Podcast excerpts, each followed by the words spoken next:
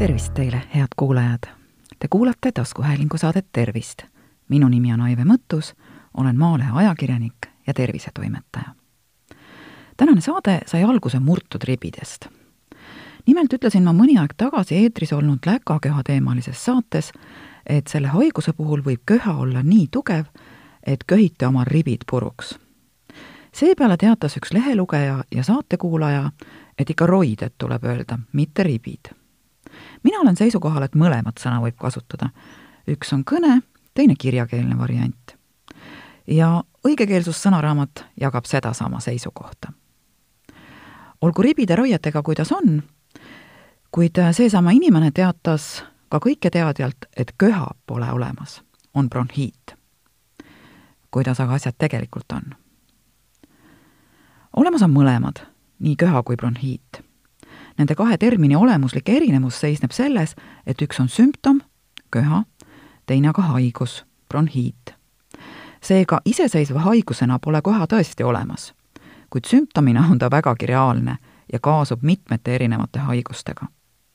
sageli on see viirushaiguste kiirelt ja iseenesest mööduv tagajärg, aga võib olla märk ka palju raskema haiguse olemasolust. köha võib kaasneda ülemiste hingamisteede nakkushaigustega, sealhulgas ka siis bronhiidiga, ninaneelunohuga, kui lima koguneb nina tagaossa või kurku, kroonilise obstruktiivse kopsuhaigusega, kopsupõletikuga, kopsukasvajaga, reflukshaigusega, kui maosisu söögitorru tagasi heidetakse, aga ka südamepuudulikkusega, kilpnäärme ja keskseenandi haigustega. sageli on köhimise põhjuseks suitsetamine sest see ärritab hingamisteede limaskesti. köha ei teki lihtsalt niisama tühjale kohale. loodus on köhatusele kindla eesmärgi andnud. puhastada hingamisteid sinna sattunud tolmust, mida leidub sissehingatavas õhus või hingamisteedes tekkinud eritisest. köha on reflektoorne kaitsemehhanism, mis tekib hingamisteedes olevate närvide ärrituse tagajärjel ja mille abil organism püüab takistada ärritajate, näiteks tolmu või röga, liikumist sügavamale kopsu. köharetseptorid asuvad hingamisteede limaskestas alates siis ülemistest hingamisteedest kuni bronhideni välja. Neid on ka näiteks väliskuulmekanalis, trummikilel, vahelihases, kopsukelmel ja südamepaunal. retseptorid reageerivad nii mehaanilistele kui keemilistele ärritajatele, näiteks põletikumediaatoritele aga ka kopsumahu muutustele. köharefleksi närvikeskus ajub, asub piklik ajus. köha korral väljub kopsudest järsku plahvatuslik õhuvool ning hääl, mis sellega kaasneb, tekib häälepaelte tugeva kokkulöögi tulemusel. inimene köhatab siis kas vabatahtlikult, tundes, et miski teda ärritab, või kontrollimatult, suutmata köha maha suruda sekreedi ehk röga eritumise järgi jaotavad arstid köha märjaks ehk produktiivseks või kuivaks ehk mitteproduktiivs-, mitteproduktiivseks. kusjuures eritav röga võib olla väga mitmekesine. liimane, mädane või mõnikord ka verine. köha kestuse järgi jaotatakse see lühiajaliseks ehk ägedaks, siis kuni kolm nädalat kestvaks ja pikaajaliseks ehk krooniliseks.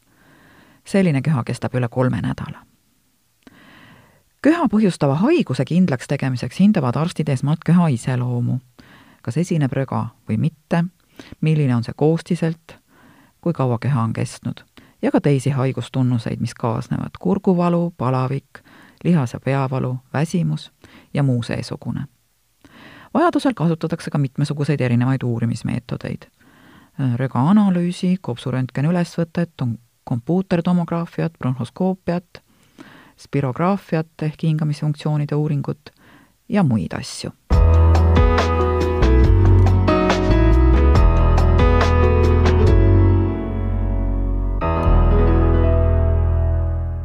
kas ja kuidas köha ravida? oluline on meeles pidada, et terve laps ei köhi. tervetel täiskasvanutel peetakse normaalseks köhimist umbes tosin korda tunnis ja sedagi tavaliselt hommikuti hingamisteede puhastamiseks teades, et loodus on köha leiutanud organismi kaitsmiseks, tekib küsimus, kas seda peaks ravima. köharavis on kaasajal kaks peamist lähenemist. rögalahtistite kasutamine, mis aitavad vedeldada haiguse ajal bronhides tekkivat röga, tänu millele on inimesel kergem köhida, ning köha mahasurumine, mis vähendab ajus asuvas köhakeskuses köharefleksi. kõige parem ja õigem on alati tegeleda köha algpõhjuse ravimisega. Kuna köha olulisus seisneb selles, et ta aitab hingamisteid puhastada, toob siis röga bronhidest välja, ei ole köha mahasurumine hea mõte. samas, kui köha on nii tõsine, et ei lase magada, võib seda viimase võimalusena kaaluda.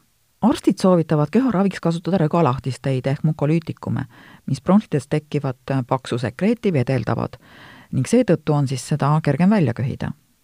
rögalahtistid aga ei suru köharefleksi maha kõige sagedamini kasutatavateks rögalahtistiteks on näiteks bromheksiin, ambroksool ja atsetüültsüsteiin looduslikud röha, röga lahtistavad preparaadid sisaldavad äh, näiteks luuderohtu, Islandi samblikku, kuusekasve, aedliivateed, nõmmliivateed, teelehte ja teisi ravimtaimi. oluline reegel köha leevendamiseks on palju juua, sest see soodustab samuti röga teket ja veeldab nima. Ka toaõhu niisutamisest võib abi olla köha pärssivateks ravimiteks, mis pidurdavad köharefleksi, on näiteks kodeiin ja dekstrometorfaan, mida kasutatakse ainult lühiajaliselt ning kuiva, ärritava ja kauakestva köha puhul. kuiva ärritusköha põhjused võivad muide olla ka psüühilised. ja psühhogeenne köha ägeneb tavaliselt stressi korral. öösel see inimest ei vaeva. ning veel, kuiva ärritusköha võivad esile kutsuda ka mõned ravimid. Sestap tuleks sellisest köhast kindlasti oma arstile rääkida viiruslik köha, mida esineb kõige sagedamini, on haiguse alguses kuiv, kinnine ja ärritav. röga on raske välja köhida, eriti just öösiti. hingamisteede liimaskestad on kuivad ja põletikulised ning seetõttu võib köhimine olla valus. haiguse edenedes muutub aga köha lahtisemaks ning mõnevõrra kergemini väljaköhitavaks muutub ka röga. Kuigi viirusinfektsiooni äge periood kestab reeglina vaid mõne päeva, võib köha püsida tunduvalt pikemalt kuni kolm nädalat.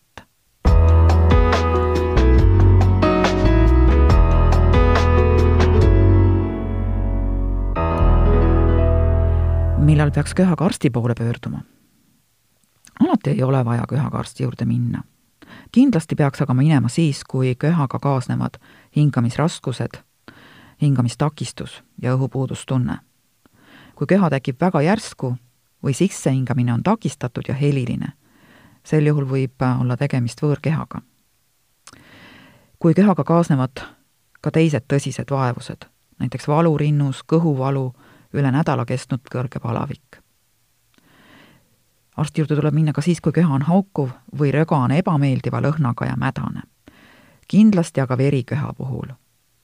ka alla kolmekuusel imikul on köha selline sümptom, millega tuleb kindlasti arsti juurde minna ka pikaaegse köha puhul peaks minema ennast tohtri juurde kontrollima.